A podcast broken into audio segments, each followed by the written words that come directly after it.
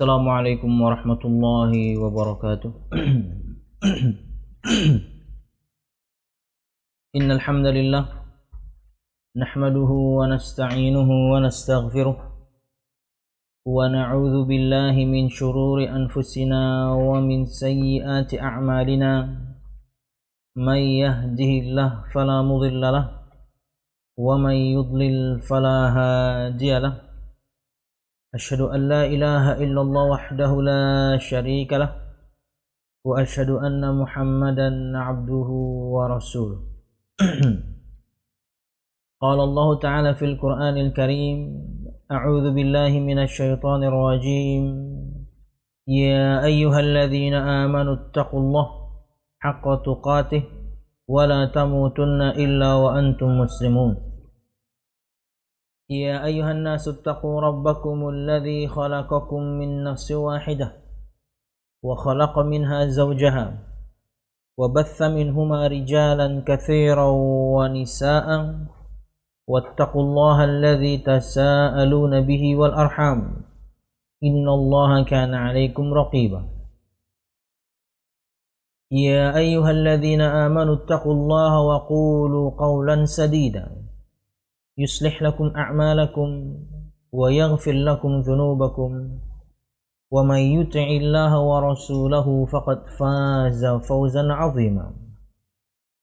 فإن أصدق الحديث كتاب الله وخير الهدي هدي محمد صلى الله عليه وسلم وشر الأمور محدثاتها فإن كل محدثة بدعة وكل بدعة ضلالة وكل ضلالة في النار أما بعد Al-Musyahidun Al-Kiram, para pemirsa yang dirahmati Allah Subhanahu wa taala. Alhamdulillah segala puji dan syukur marilah kita haturkan kepada Allah Subhanahu wa taala. Kemudian salawat serta salam semoga selalu tercurahkan kepada junjungan besar Nabi kita Muhammad sallallahu alaihi wasallam juga beserta para sahabatnya, keluarganya dan segenap kaum muslimin yang selalu istiqamah berpegang teguh dengan Islam sampai hari kiamat kelak. Al-Musyahidun Al-Kiram, para pemirsa yang dirahmati Allah Subhanahu wa taala, melanjutkan pembahasan kita pada kitab Syarah Al-Qawaid Al-Arba' karangan Syekh Saleh bin Fauzan, Saleh Fauzan, Abdullah Al-Fauzan, hafizahullah taala. Dan masih pada muqaddimah, masih kita katakan muqaddimah, yaitu perkataan beliau pengarang yaitu Syekh Muhammad bin Abdul Wahab kata beliau rahimahullah taala arafta anna Allah khalaqaka li ibadatihi fa'lam anna ibadata la tusamma ibadah illa ma'at tauhid.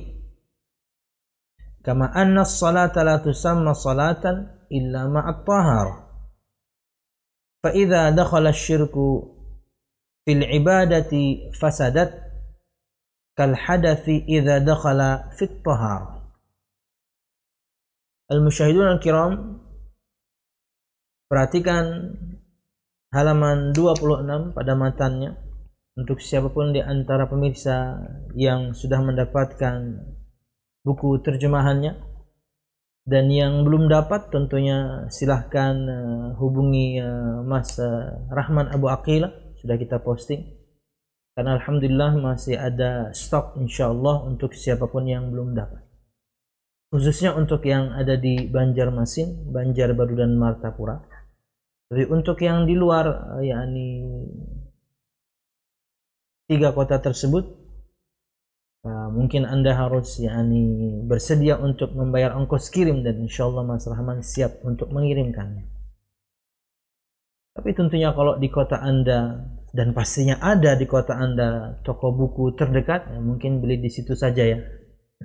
Karena bisa jadi nanti tidak setimpal dengan harga bukunya. Bukunya ini kurang lebih ya. Saya belinya tentunya dalam jumlah banyak jadi diskon jadi di bawah 20 ribu harganya.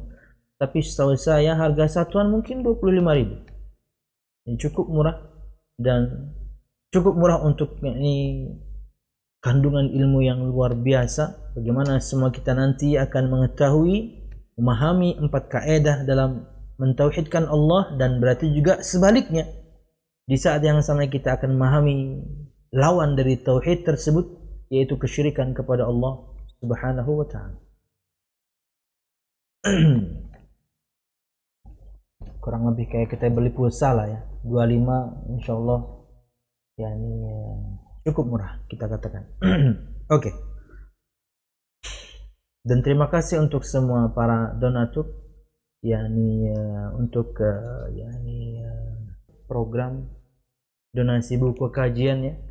Semoga yakni Allah Subhanahu wa taala memberkahi Anda semuanya umur, amal, keluarga dan khususnya harta ya. Amin ya rabbal alamin. artinya ke uh, rekening yang kita khususkan untuk kemudian yakni darinya kita bayarkan semua buku-buku ini ada saja yang masuk dan terkadang tanpa konfirmasi terkadang tanpa konfirmasi akan sebelum kajian ini pun tung bunyi wah karena ada notifikasinya berarti kan buat buku itu ya barakallahu fikum untuk semua para donatur. Oke. Okay. Halaman 26 perhatikan matanya. فإذا عرفت أن الله خلقك لعبادته Fa'alam annal ibadata la tusamma ibadatan illa ma'at tauhid.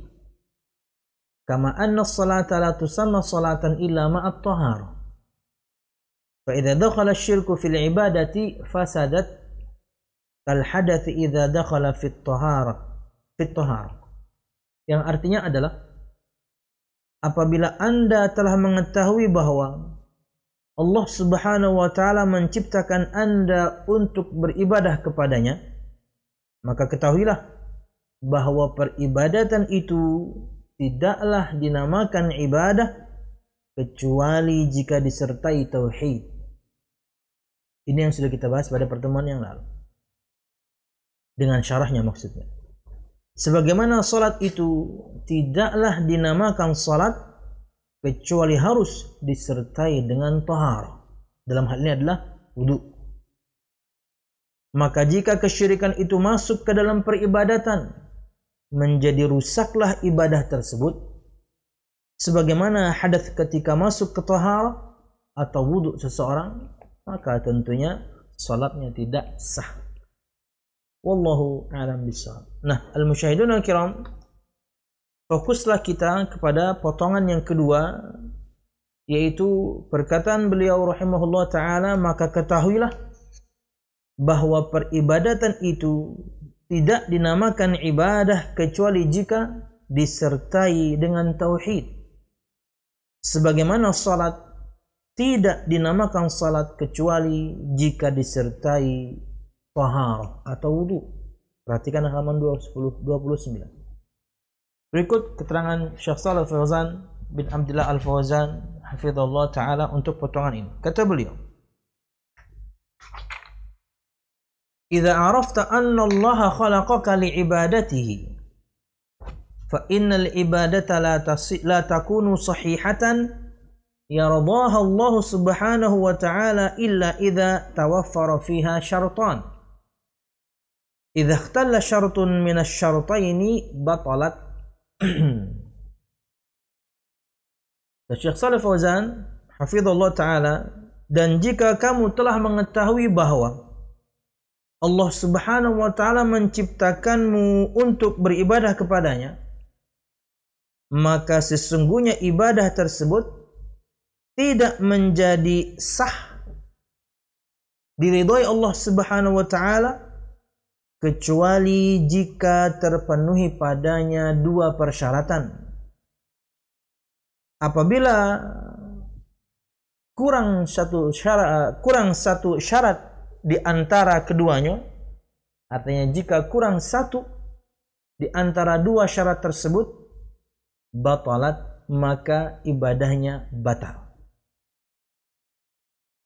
Asyaratul awal kata Syekh persyaratan yang pertama agar kemudian ibadah kita diterima oleh Allah Subhanahu wa taala. An takuna khalisatan liwajhillah, laisa fiha syirkun. In khalataha syirkun batalat. مثل الطهارة إذا خالطها حدث بطلت. كذلك إذا عبدت الله سبحانه وتعالى ثم أشركت به بطلت عبادتك. هذا الشرط الأول. Kata Syekh tadi di awal, jika engkau mengetahui bahwasanya Allah Subhanahu wa taala menciptakanmu untuk beribadah kepadanya, maka sesungguhnya ibadah tersebut tidak sah diridhoi Allah Subhanahu wa taala kecuali jika memenuhi dua persyaratan. Jika salah satunya tidak ada, tidak sah ibadah tersebut. Syarat yang pertama, antakuna khalisatan liwajhillah. Hendaknya ibadah tersebut ikhlas hanya mengharapkan wajah Allah Subhanahu wa taala. Laisa fiha syirkun, tidak ada kesyirikan di dalamnya menyamakan selain Allah dengan Allah dalam perkara-perkara yang itu adalah keistimewaan Allah Subhanahu wa taala. Itulah definisi singkat untuk syirik. Jadi siapapun di antara kita kemudian naudzubillah berbuat syirik kepada Allah Subhanahu wa taala, maka tidak memenuhi persyaratan dia untuk atau agar amal tersebut diterima Allah Subhanahu wa taala karena syirik. Amal itu harus ikhlas. Dipersembahkan hanya kepada Allah Subhanahu wa taala ikhlas. Mengharapkan pahala dari Allah Subhanahu wa taala ikhlas. Mengharapkan wajah Allah Subhanahu wa taala. Fa in khalataha syirkun batalat apabila ibadah tersebut dicampuri oleh kesyirikan, batal ibadah itu. Mithlu tahar idza khalataha hadathun batal. Sama seperti tahar bersuci. Jika ia dicampuri dengan hadas, maka taharahnya tidak sah. Akhirnya kemudian ibadah yang harusnya dibangun di atas taharah pun tidak sah.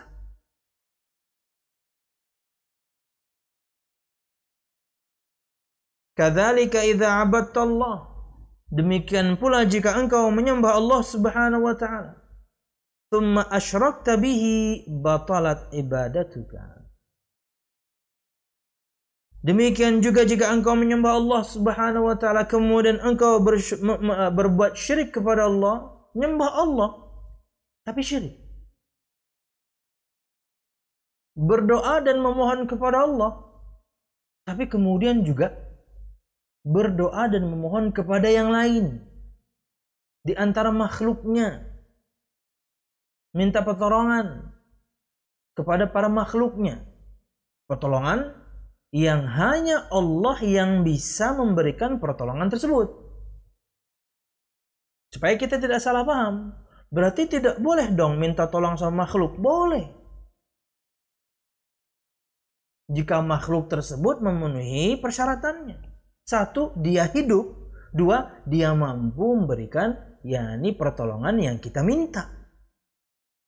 Tapi kalau kemudian yang kita minta kepadanya pertolongan orangnya sudah meninggal, ya nggak bakal bisa bantu. Dua, ketika dia masih hidup, tapi kemudian permintaan pertolongan yang kita lakukan dia nggak mampu, ya nggak bisa juga. Jadi kalau dia hidup dan dia mampu untuk memberikan pertolongan, ya boleh kita minta tolong. Tapi kalau salah satunya tidak ada, ya nggak bisa. Anda minta tolong kepada seseorang, dia udah meninggal. Dia lebih butuh untuk dia, dia tolong. Atau dia hidup, tapi yang Anda minta, dia tidak mampu beri. Wahai Syekh, ya ada apa? Saya ingin minta tolong. Oh, saya akan tolong semampu saya, insya Allah. Alhamdulillah saya masih hidup ini. Apa per, apa permintaannya? Ampuni dosa saya. Ah, nggak bisa dia. Yang mengampuni itu Allah Subhanahu wa taala. Jadi jangan salah paham. Meminta pertolongan kepada sesama makhluk ya boleh. Asal memang dia memenuhi persyaratan. Dia hidup dan kedua dia mampu. Kalau dia sudah meninggal ya nggak mampu. Kalau dia hidup tapi nggak mampu ya nggak mampu. Wallahu alam bisawab kata syekh kadzalika idza abadta Allah Demikian juga jika engkau menyembah Allah Subhanahu wa taala thumma asyrakta bihi kemudian engkau berbuat syirik kepada Allah. Contoh tadi di antara adalah berdoa kepada selain Allah Subhanahu wa taala batalat ibadatuk maka ibadahmu batal. Bukan lagi ibadahnya batal pelakunya bisa keluar dari Islam kalau syiriknya syirik besar dan telah ditegakkan hujah padanya. Bukan cuma ibadahnya batal, orangnya batal dari Islam. Jika telah ditegakkan hujah dan jika syiriknya syirik yang besar. Bahaya ini. Makanya ini yang selalu digaungkan oleh banyak para dai agar semua kita selamat dari satu-satunya dosa yang tidak Allah ampuni kalau kita meninggal masih melakukannya. Enggak Allah ampuni. Di mana dosa-dosa yang lain Allah akan ampuni bagi orang-orang yang Allah Subhanahu wa taala kehendaki.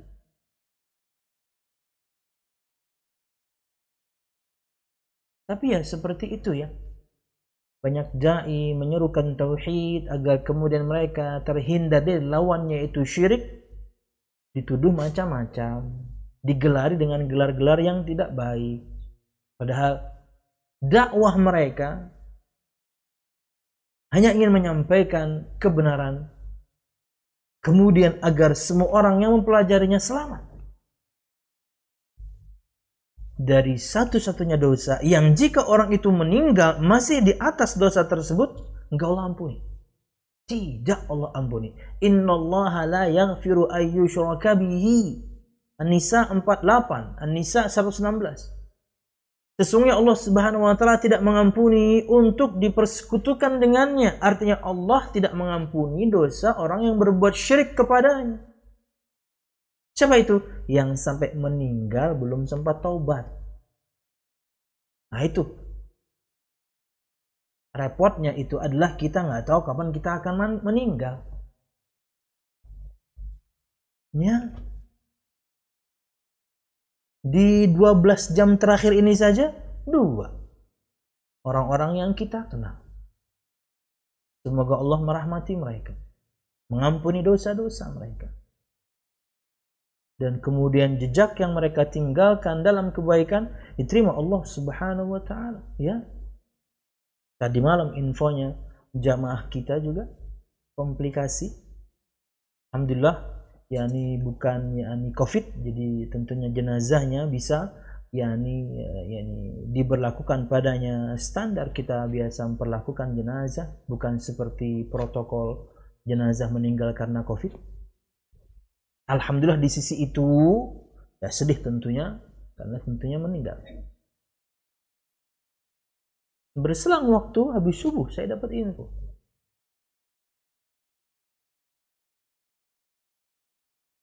Kalau siapa pun di antara Anda mengikuti Rifkon TV itu dulu namanya dakwah sunnah.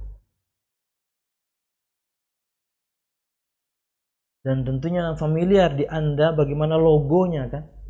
Semoga Allah yakni mencatat amal baik desainernya Mas Ovan.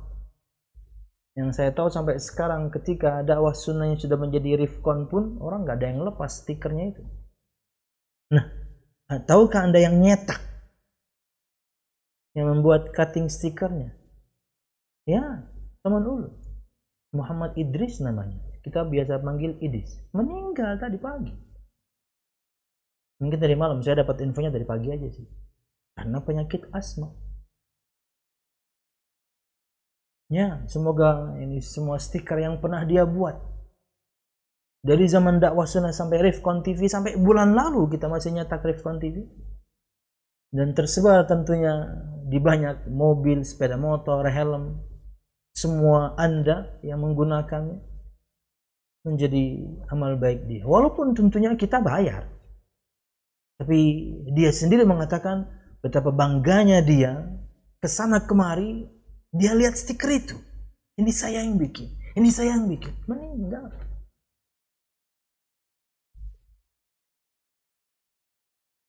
Wallahu a'lam Dan cukup mengenaskan saya rasa meninggalnya. Sakit asma, dia berusaha ke rumah sakit sendiri dengan mobilnya. Dan sampai di sana tidak diterima karena bukan penyakit COVID. Pulang dia kemudian ke rumah orang tuanya, di depan rumah orang tuanya. Belum buka pintu, meninggal dalam mobil. Hanya saya pribadi ke mana-mana nggak pernah sendirian. Pakai mobil pasti ada teman yang kemudian yakni menyetirkan. Pakai sepeda motor saya mesti jadi penumpang. Ya. Kalau ada apa-apa ya ada teman yang kemudian bisa memberikan respon atau pertolongan pertama. Untuk keluhan jantung mungkin dipukul dadanya supaya ya karena bisa jadi kita tidak bisa membatukkan yakni diri sendiri supaya jantung tetap berdegup. Ya, ada yang bantu untuk mukul. Sembari kemudian dibawa ke rumah sakit misal. Nauzubillah. Wallahu a'lam bisa. Semoga Allah Subhanahu wa taala yakni merahmati mereka semuanya dan kemudian mengampuni dosa-dosanya. Dan subhanallah umur-umurnya saya katakan masih muda. Ya, jamaah kita ya masih di awal umur 50 teman saya itu seumuran saya. Paling dia lebih tua satu atau dua tahun lah. Kalau nggak tujuh tujuh tujuh delapan dia lahir. Wallahualam bisa maka janganlah siapa pun di antara kita meninggal kecuali kita mengesahkan Allah Subhanahu wa taala karena kita tidak tahu kapan kita meninggal Kayak tadi pagi juga. Pertanyaan seorang ustaz, betulkah bahwasanya dikatakan Palestina sekarang sudah hilang dari peta? Apa sikap yang harus kita ambil? Ya nggak ada.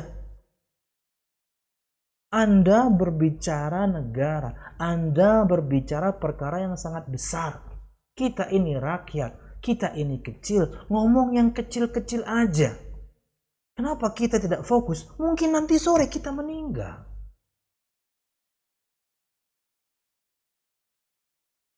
Kita bukan berarti tidak ngapa-ngapain kan? Setiap kali umroh misalnya dan alhamdulillah umrohnya plus Palestina kan urung pasti ulun pasti galang dana. Itu yang bisa kita lakukan untuk membantu mereka. Bisa 100 juta lebih saya bawa cash. Tentunya dalam bentuk dolar ya kecil. Itu yang bisa kita lakukan. Sisanya banyak berdoa mereka tertindas bertahun-tahun. Semoga Allah Subhanahu wa taala berikan kesabaran kepada mereka. Semoga Allah Subhanahu wa taala hancurkan orang-orang yang zalim. Itu saja kita orang kecil. Ngomongnya jangan ketinggian, jangan terlalu besar. Fokus. Bukan berarti kita nggak peduli, enggak. Kita fokus pada diri kita karena mungkin nanti siang, nanti sore, nanti malam kita meninggal. Sudahkah kita mengesahkan Allah? Sudahkah kita tidak berbuat syirik kepada Allah? Sanya kita bisa kok berbuat, tapi ya yang semampu kita lakukan. Membantu mereka, menggalang donasi, membantu mereka, mendoakan mereka, bahkan mungkin di beberapa momen dengan kunut nazilah misalnya, ya fokus. Karena siapa pun di antara kita tidak tahu kapan dia akan wafat, maka janganlah Anda meninggal kecuali dalam keadaan mengesahkan Allah Subhanahu wa taala, bertauhid. Asyarat syarat yang kedua.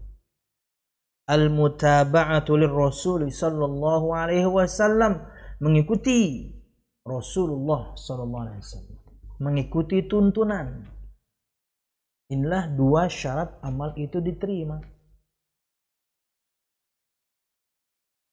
Kita tahu bahwasanya Allah ciptakan kita untuk ibadah. Kita tahu bahwasanya ibadah tidak akan sah hingga Allah ridhoi sampai terpenuhi padanya dua syarat. Satu, ikhlas karena Allah. Dua, al-mutaba'ah sesuai tuntunan, mengikuti Rasulullah sallallahu alaihi wasallam. Dalam sebab ibadahnya, jenisnya, jumlahnya, caranya, waktunya, tempatnya.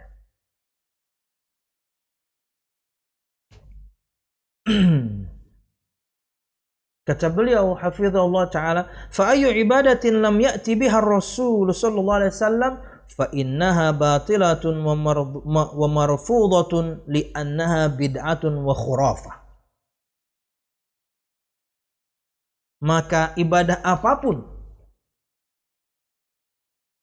yang tidak pernah datang dengannya Nabi Muhammad sallallahu alaihi wasallam maka sesungguhnya ia adalah ibadah yang batil tertolak karena ia adalah bid'ah dan kemudian kedustaan atau kebohongan. Walihada yaqulu sallallahu alaihi wasallam oleh karena itu oleh karena itu Nabi Muhammad sallallahu alaihi wasallam bersabda man 'amila 'amalan laisa 'alaihi amruna fahuwa raddun Barang siapa yang mengamalkan satu amalan yang bukan darinya, bukan dari ajaran Nabi Muhammad sallallahu alaihi wasallam. Fahuwa raddun ay mardudun. Maka ia adalah penolakan. Artinya maka ia tertolak. Dikembalikan kepada pelakunya. Sudah banyak tenaga keluar, sudah banyak uang keluar, sudah banyak waktu tersita untuk sebuah amal ibadah tapi Nabi Muhammad nggak pernah ajarkan. Tidak mengikuti Nabi Muhammad SAW. Tertolak. Rugi.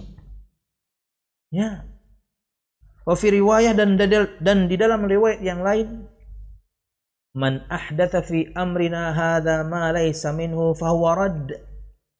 Barang siapa yang mengada-ada dalam perkara apa? Fi amrina dalam agama kami. Maksudnya dalam urusan agama.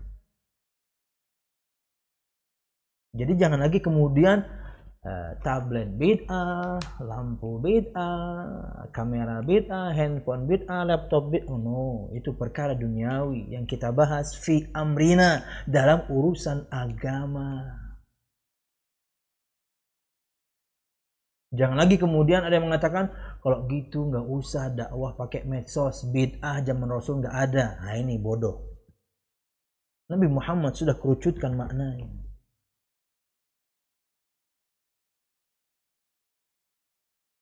Kan kita tahu keumuman sabda Nabi Muhammad dalam hadis Irbad bin Sariyah. Wa iyyakum wa muhdatsatil umur. Dan jauhi kalian dari perkara-perkara yang baru Fa inna kulla muhdatsatin bid'ah karena sesungguhnya segala sesuatu yang baru itu adalah bid'ah. Wa kulla bid'atin dalalah dan setiap bid'ah adalah sesat. Wa kulla dalalatin finnar dan setiap kesesatan tempatnya di neraka. Lalu Anda generalkan semua perkara yang baru ini padahal dia urusan dunia. Loh, dari mana Anda mengatakan itu yang dimaksudkan adalah perkara yang baru dalam urusan agama? Ini. Inilah yang menerangkannya. Kata Nabi Muhammad SAW, barang siapa ada-ada perkara yang baru dalam urusan agama. Karena kata Nabi Muhammad SAW, Atqakum billahi ana, a'lamukum billahi ana. Orang paling bertakwa di antara kalian saya. Orang paling mengenal Allah di antara kalian saya. Kalau soal agama saya paling paham. Sallallahu alaihi wasallam. Ingat sabda itu ya ketika ada seorang sahabat yang begitu tahu bagaimana ibadah Nabi Muhammad SAW di rumah, ada yang mengatakan, saya ingin puasa, nggak berbuka, saya ingin salat malam, nggak tidur, saya nggak mau nikah. Sampai berita itu pada Nabi Muhammad SAW. Siapa yang meng, ya siapa yang mengatakan hal yang demikian dan demikian? Saya orang paling bertakwa di antara kalian. Tapi saya tidur, saya saya sholat malam, saya tidur. Saya puasa, saya berbuka dan saya menikah. Dan saya paling bertakwa. Siapa Anda memangnya? Jadi urusan agama, Nabi Muhammad paling paham. Dan kurang lebih tiga bulan sebelum Nabi Muhammad SAW meninggal, ya ini sudah sempurna. Al-Musyahidun al-Kiram, para pemirsa. Nabi Muhammad bertanya kepada mereka semuanya di Haji Wada kali itu. Ya kurang lebih tiga bulanan lah. Nabi Muhammad meninggal di Rabiul Awal. Itu haji terakhir. Dhul Hijjah. Ya kurang lebih kan tiga bulan ya. Kata Nabi Muhammad SAW, Ala hal ballagtu? Bukankah aku sudah menyampaikan semuanya? Semua menjawab iya. Dan Nabi Muhammad menunjuk, mengangkat telunjuknya dan menunjuk ke arah langit dan kemudian ke arah kaum muslimin.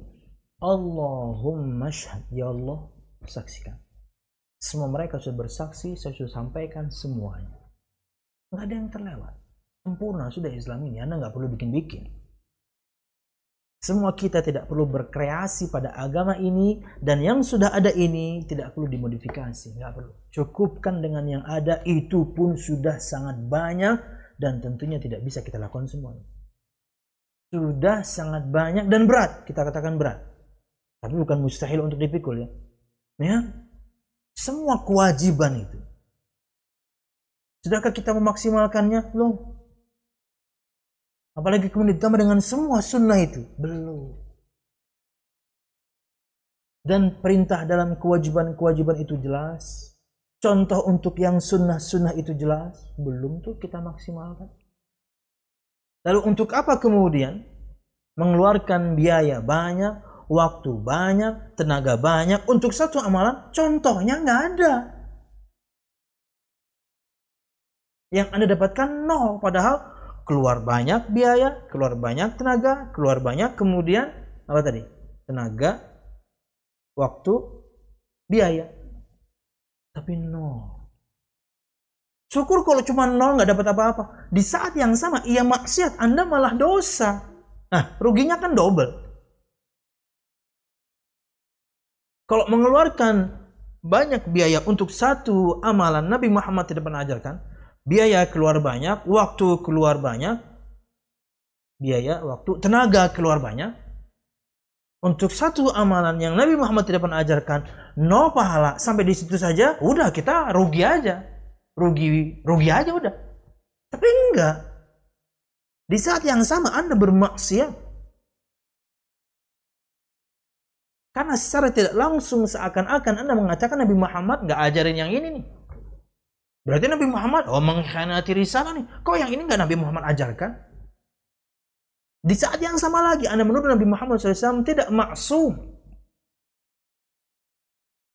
Karena sebagian mengatakan amalnya berdasarkan mimpi gurunya yang bertemu Nabi Muhammad dan Nabi Muhammad ajarkan amal itu pada gurunya. Berarti Nabi Muhammad menyimpan satu amalan ketika beliau hidup dan disampaikan di mimpi orang ketika beliau sudah meninggal.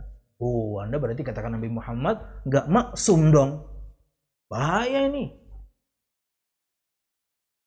Di antara makna maksu adalah Nabi Muhammad kalau menerima wahyu pasti hafal dan Nabi Muhammad pasti menyampaikan dan ketika menyampaikan Nabi Muhammad sampaikan semua. Kalau Nabi Muhammad simpan satu berarti Anda tuduh Nabi Muhammad tidak maksum. Bahaya. Prinsip ini akidah. Hanya Nabi Muhammad yang kita yakini dan semua nabi dan rasul sebelumnya tentunya. Yang dijaga dari kesalahan dan dosa. Tidak termasuk tentunya dosa-dosa kecil yang manusiawi manusia biasa terjerumus padanya. Nabi Muhammad bisa lupa. Sallallahu alaihi wasallam. Oke. Okay. fala budda an takuna al ibadah muwafiqatan lima jaa bihi rasul.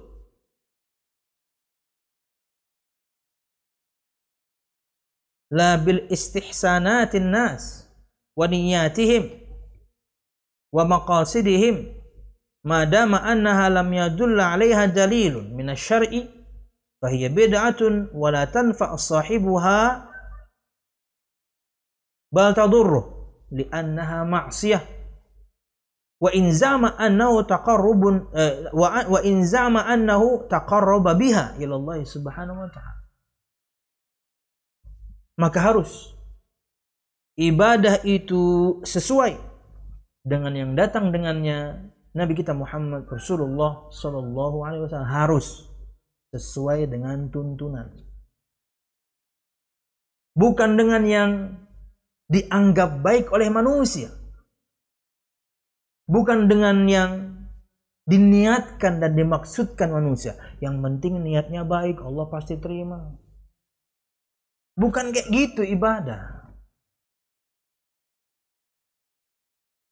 Masa perkara baik Allah nggak terima? Bukan kayak gitu kaidah ibadah. Niat baik itu kan, anggapan baik itu kan versi Anda. Versi kita sebagai manusia.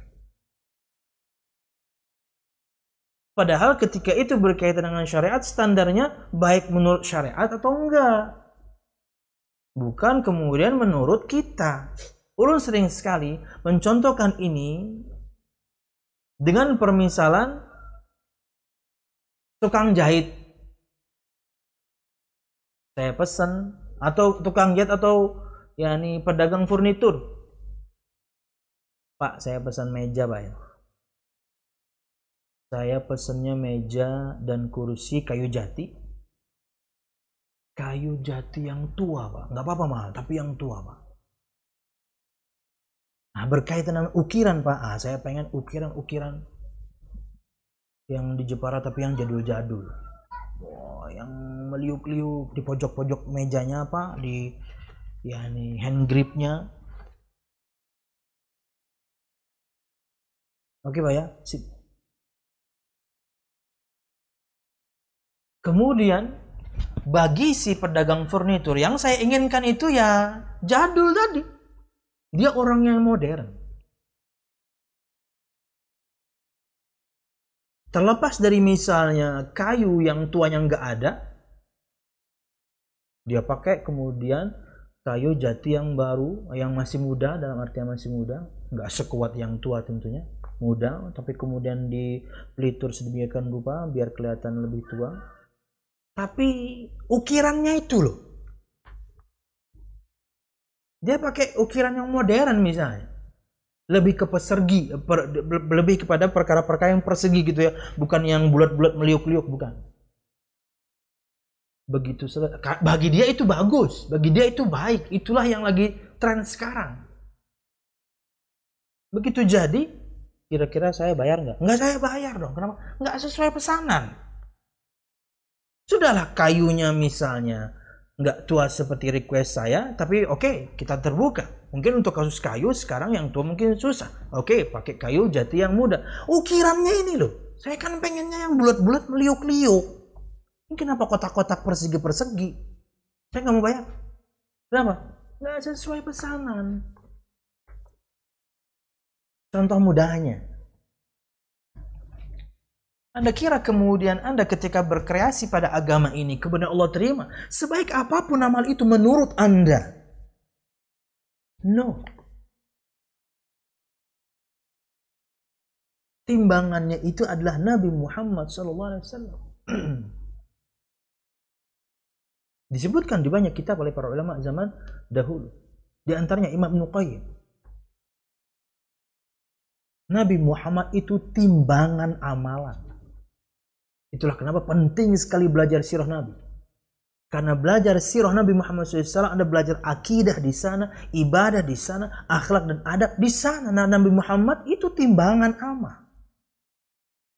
Itulah kenapa pentingnya juga belajar sirah. Anda tahu Nabi Muhammad seutuhnya. Jadi kata Syekh, maka harus ibadah itu sesuai dengan yang datang dengannya Nabi Muhammad bukan dengan anggapan baik manusia, bukan dengan niat baik manusia. Madama annaha lam yadulla alaihi dalilun minasyar, fahiya beda. Selama tidak ada dalil yang melandasi amalan tersebut berdasarkan syariat Islam, entah itu firman atau sabda Nabi Muhammad, maka ia beda. La tanfa sahibuha bal tadurruh, tidak bermanfaat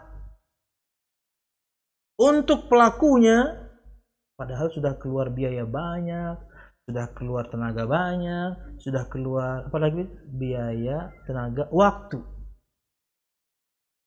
Ya dong, acara-acara tersebut bisa setengah malam. Dananya nggak sedikit. Tenaga, waduh. Banyak sekali harus kemudian mengeluarkan energi.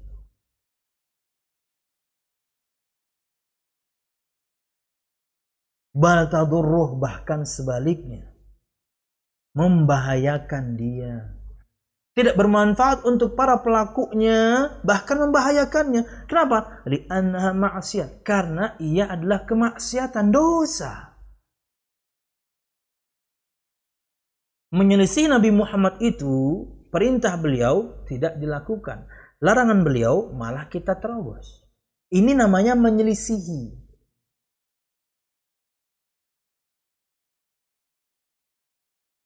Level yang lebih tinggi di antara makna menyelisihi, dua nih di atasnya. Dua di atasnya. Mendustakan atau bikin-bikin.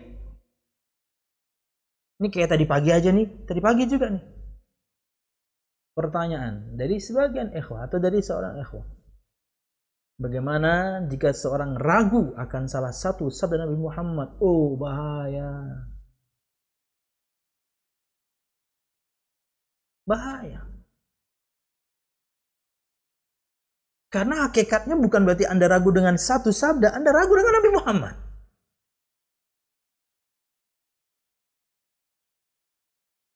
Ini bukan lagi perkara akidah yang cabangnya. Ini bahkan inti dua kalimat syahadat ini.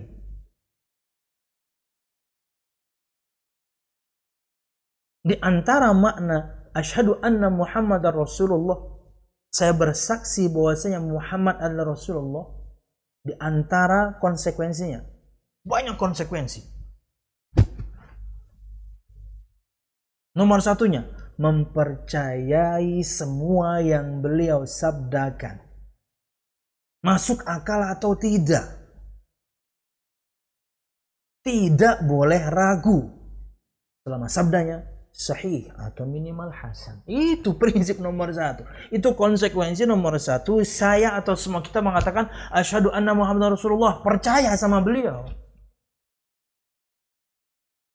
Semua sabda beliau. Apalagi hadisnya sahih. Eh, selama hadisnya sahih, sorry. Selama hadisnya sahih atau minimal levelnya hasan. Mau masuk akal kek? Tidak kek? Tentang masa sekarang, masa lalu, tentang akhir zaman, Nabi Muhammad yang ngomong, sami'na wa ta'ana. Anda ragu dengan salah satunya, Anda ragu dengan Nabi Muhammad. Anda berarti mendustakan Nabi Muhammadnya, Anda mendustakan semua Rasul berarti. Karena mendustakan semua Rasul, mendustakan semuanya. Parah. Pertanyaan ikhwah itu saya balikin lagi tanya. Saya jawab dengan pertanyaan. Saya jawab dengan pertanyaan agar dia mikir.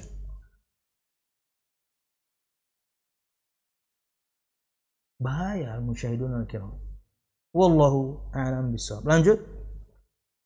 Wa in za'ama annahu taqarraba biha ila Allah walaupun dia mengaku bahwasanya dia melakukan itu untuk mendekatkan diri kepada Allah. Tapi kalau tidak ada dalil yang syar'i, yang menunjukkan itu adalah tuntunan Nabi Muhammad SAW beda. Tidak bermanfaat untuk pelakunya, bahkan sebaliknya berbahaya untuk pelakunya karena ia maksiat walaupun yang mengatakan dia, walaupun yang melakukan mengatakan saya melakukan ini untuk mendekatkan diri kepada Allah enggak. Anda ingin cari untung tapi Anda malah buntung. Wallahu a'lam bishawab. فلا بد في العبادة من هذين الشوطين الإخلاص والمتابعة للرسول صلى الله عليه وسلم حتى تكون عبادة صحيحة نافعة لصاحبها. فإن دخلها شرك بطلت وإن صارت مبتدئة وإن صارت مبتدعة ليس عليها دليل في فهي باطلة أيضا. Biduni hadaini syar bihadaini syartain la faidata min al-ibadah li'annaha ala ghairi ma syara Allah subhanahu wa ta'ala wallahu la yaqbalu illa ma syara'a fi kitabih atau ala lisani rasuli Muhammad sallallahu alaihi wasallam. Maka ibadah itu harus memenuhi dua persyaratan ini. Yang pertama ikhlas mengharap wajah Allah, yang kedua mengikuti tuntunan Rasulullah sallallahu alaihi wasallam. Hingga kemudian ibadah tersebut menjadi sah bermanfaat untuk pelakunya. Maka jika ibadah tersebut dimasuki kesyirikan, tidak ikhlas, batal. Dan jika ibadah tersebut diada-adakan dalam urusan agama, bid'ah, tidak ada dalil, batal juga. Maka tanpa dua syarat ini, tidak ada faedahnya dari ibadah tersebut. Jika tidak ikhlas, jika tidak ittiba. Karena sesungguhnya ia menunjukkan berarti selain dari syariat Allah Subhanahu wa taala. Kalau ia kemudian perbuatan bid'ah. Wallahu la yaqbalu illa ma syara'a fi kitabih dan Allah tidak menerima kecuali apa-apa yang Allah syariatkan dalam kitabnya atau ala lisan rasulih Muhammad sallallahu alaihi wasallam atau yang Allah syariatkan berdasarkan atau melalui lisan nabinya Muhammad sallallahu alaihi wasallam al-hadis. Wallahu a'lam bissawab. Kemudian bagian yang terakhir.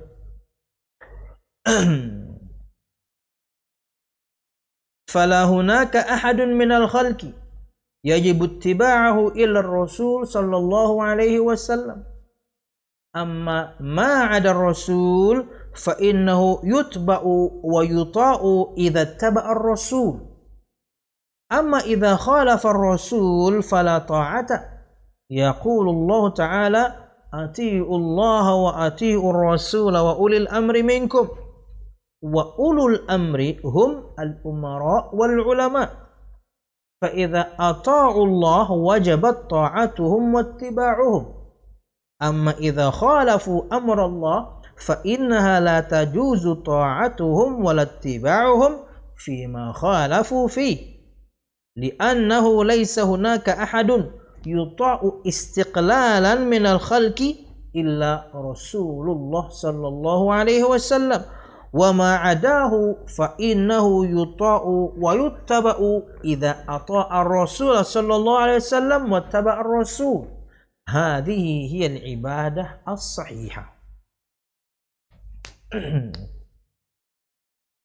Kemudian kata beliau di bagian yang terakhir maka tidak ada satu orang pun dari makhluk Allah Subhanahu wa taala yang wajib diikuti kecuali Rasulullah sallallahu alaihi wasallam.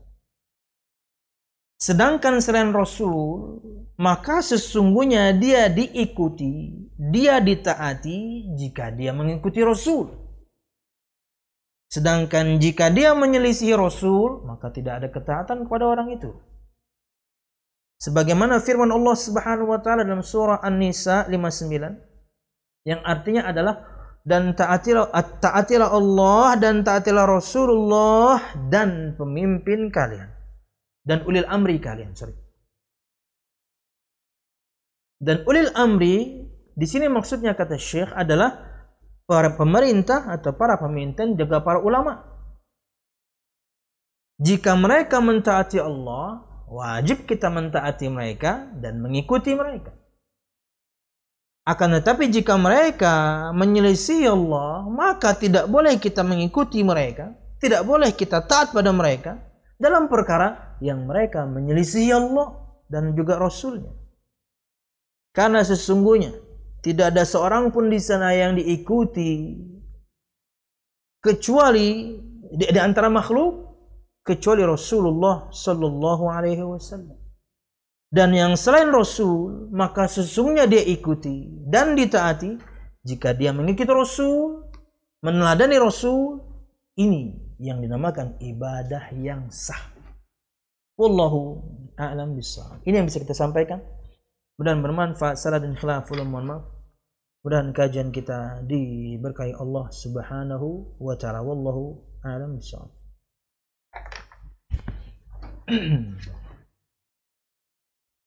Assalamualaikum Waalaikumsalam. Saya mau bertanya, apakah boleh kita meminjamkan ijazah kita untuk persyaratan sebagai salah satu personil membuat perusahaan tanpa kita terlibat dalam pekerjaan di perusahaan tersebut? Keuntungan saya jadi personil di perusahaan tersebut hanyalah saya dibuatkan sertifikat keahlian yang saya, yang bisa saya gunakan tanpa membayar iuran masa berlaku sertifikat tersebut selama tiga tahun. Apakah ini syubhat atau sudah haram bagi saya dan pemilik perusahaan? Ini soal muamalah. Maka alihkan pertanyaan Anda kepada ahlinya saja. Ustaz uh, Muhammad Hasbi Ridwani atau Ustaz Aminur Ba'ith atau Ustaz Irwandi nanti kita akan berikan nomor mereka karena saya sudah izin kepada mereka untuk memberikan nomor mereka ke semua para penanya yang berkaitan dengan muamalah. Barakallahu fikum. Tapi dari kita tetap dapat hadiah. Mantap. Assalamualaikum Ustaz. Waalaikumsalam. Bagaimana menanggapi seseorang yang jika dinasehati tentang ketidakbolehannya riba Lalu mengatakan bahwa Allah Subhanahu wa taala Maha tahu kemampuan kita dan tidak mengendaki kita sulit. Jadi malah beranggapan tidak mau meninggalkan riba, tidak mau tidak mampu meninggalkan riba karena keterbatasan kemampuan manusia. Yang penting niatnya baik, bukan niat riba. Dan ini mungkin beranggapan akan dimaklumi Allah Apakah amal seperti ini akan diterima? Tentunya yakni pendalilan yang salah ya. Bahkan Anda tidak berbuat riba, itulah yang mudah. Yuridullahu bikumul yusra wala yuridu bikumul usra.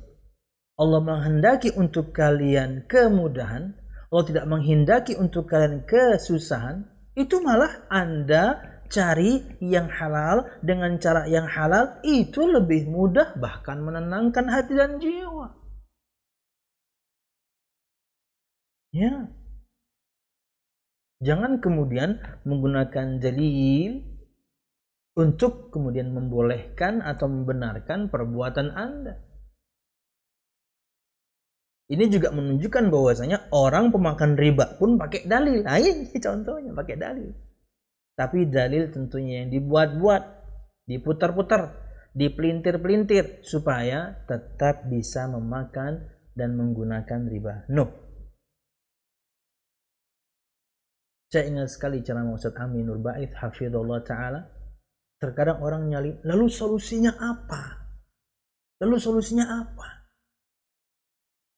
itu cuma ngomong riba, riba, haram, haram. Solusinya apa? Anda keluar dari lembaga riba itulah solusi. Keluar itu sudah solusi. Kalau Anda masih di dalamnya, nggak bisa. Gimana Anda ingin bersihin masjid pakai air seni? Nggak bisa. Anda masih berkubang di dalam kotornya, nggak bisa. Keluar. Wallahu a'lam bisa. Nah nanti ada orang yang Allah mudahkan dan banyak orang yang terseok-seok dulu. Ya, pelebur dosa lah. Kemarin kan makan haram terus. Terseok-seok dulu. Tapi kan nggak mati. Teman-teman semuanya yang resign dari lembaga, dari perusahaan, dari apa pun kemudian yang bergumul dengan riba, nggak ada yang mati tuh. Kenapa? Karena rizkinya belum habis. Terseok-seok, iya Susah dulu awalnya. Iyalah. Gaji biasa 20, ada yang sampai 50. Gaji ya. 20 bit. Nanti mau beli kamera apa bit? ya. Kemudian ketika keluar harus dagang, harus jualan, penghasilannya maksimal 500 ribu sebulan. Jomplangnya luar biasa.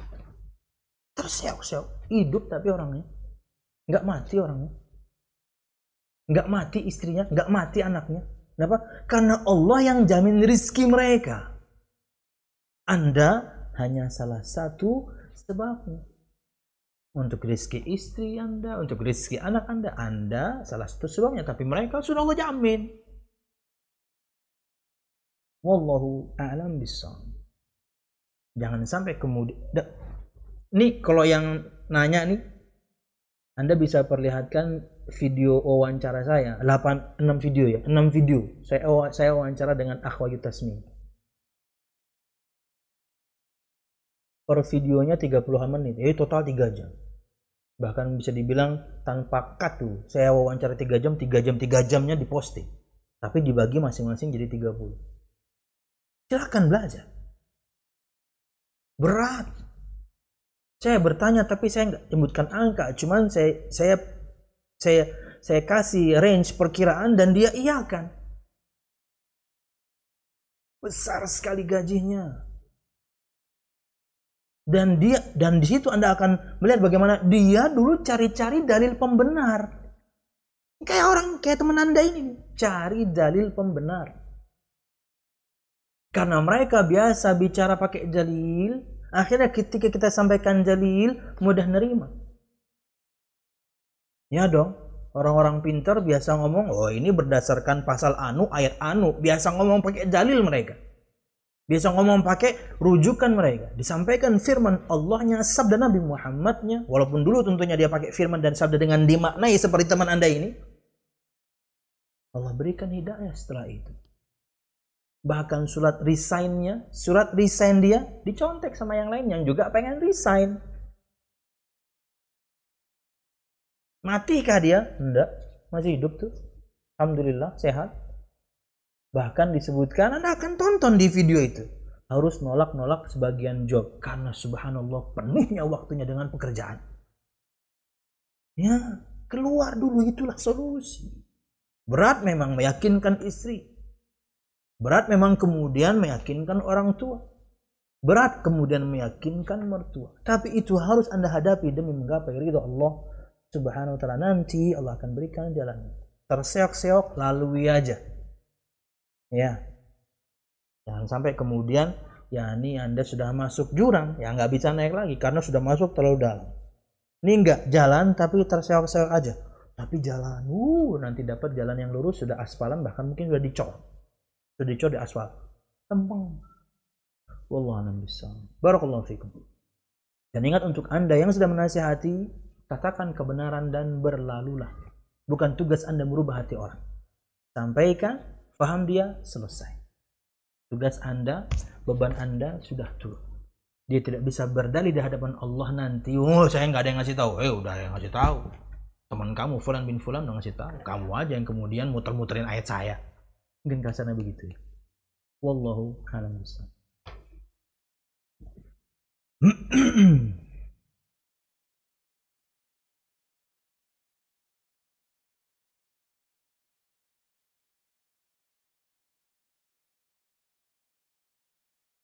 Uh, Assalamualaikum Ustaz. Anak ikhwan umur 20. Di umur saat ini orang tua anak memberi kesempatan untuk kuliah di salah satu universitas di yang sunnah di Surabaya. Siap?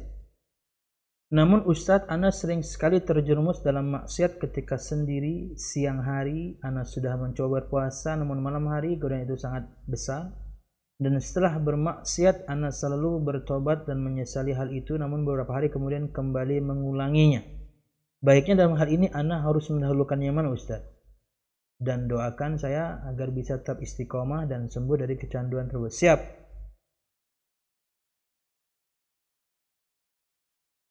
Anda tidak sebutkan maksiat, tapi semua kita paham ya, maksiat bersendirian. Allah bisa. Mungkin bisa jadi berkaitan dengan syahwat. Satu,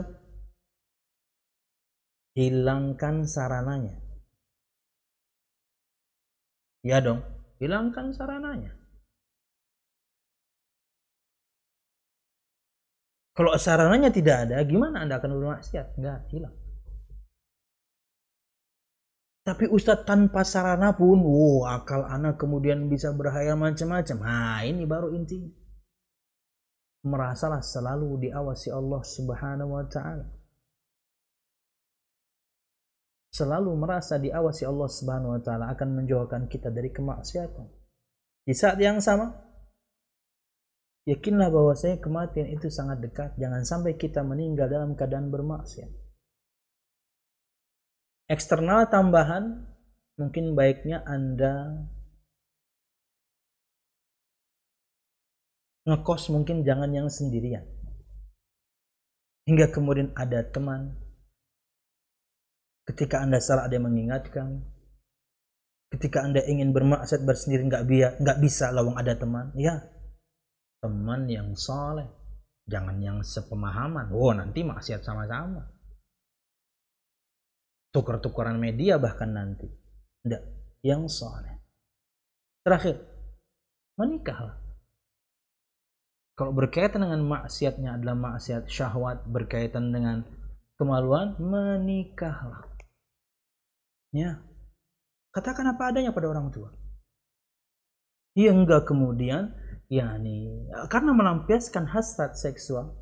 Kalau memang betul ini yang uh, Anda lakukan berkaitan dengan uh, kemaksiatan bersendirian, melampiaskan hasrat seksual fitrah manusia tapi dengan cara yang halal, menikah.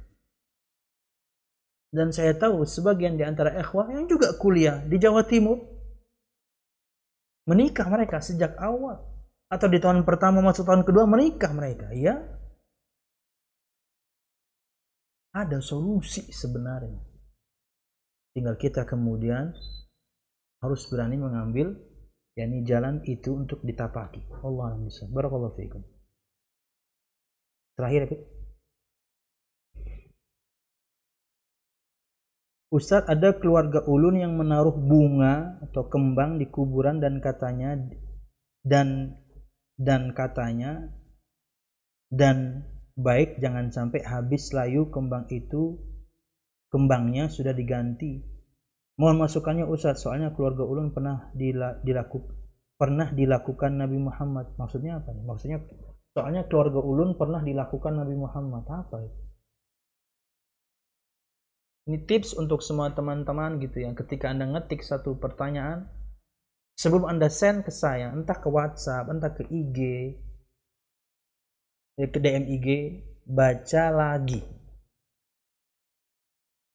Kalau Anda mudah memahami, saya mudah memahami. Anda saja bisa jadi misalnya tidak mudah memahami, apalagi saya. Ya, cuman butuh satu menit mungkin baca ulang, jalan eh kok susah dipahami ya nah, ada mantep nih. Tanda bacanya jelas baru? Send jadi saya mudah untuk paham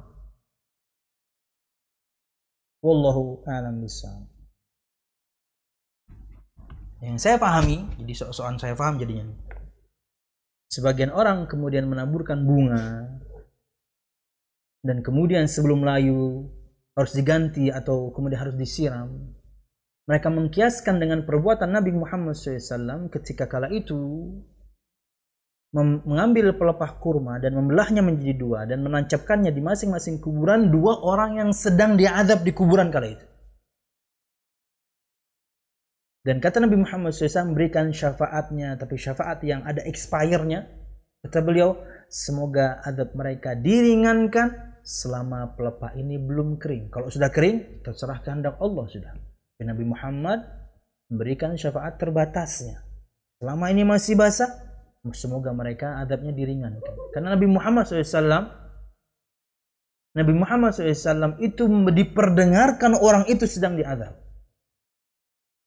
Nabi Muhammad diperdengarkan orang itu sedang diadab. Anda kalau pakai alasan yang sama dengan bunga, supaya kemudian orang tersebut diringankan adabnya, Anda nggak tahu orang itu sedang diadab.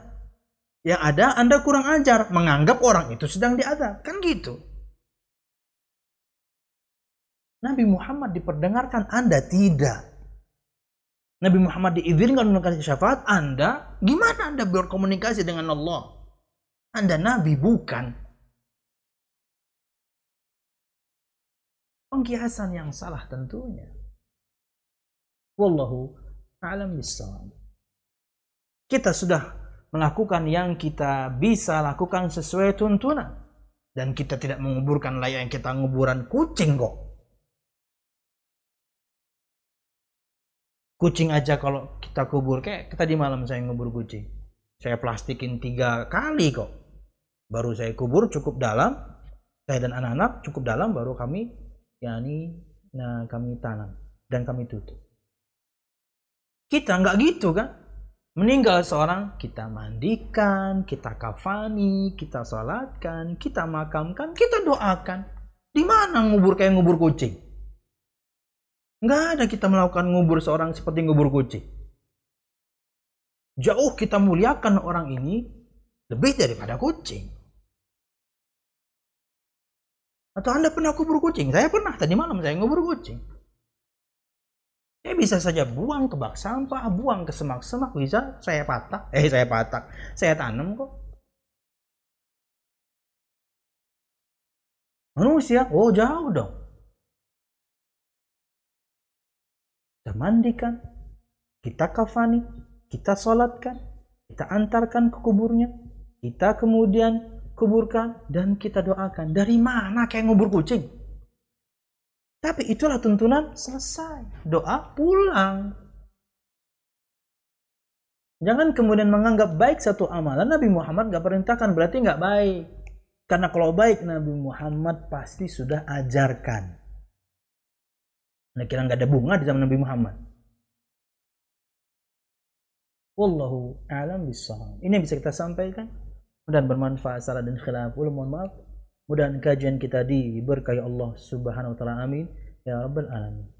Subhanakallah bihamdika asyhadu an la ilaha illa anta astaghfiruka wa atubu ilaik. Wassalamualaikum warahmatullahi wabarakatuh.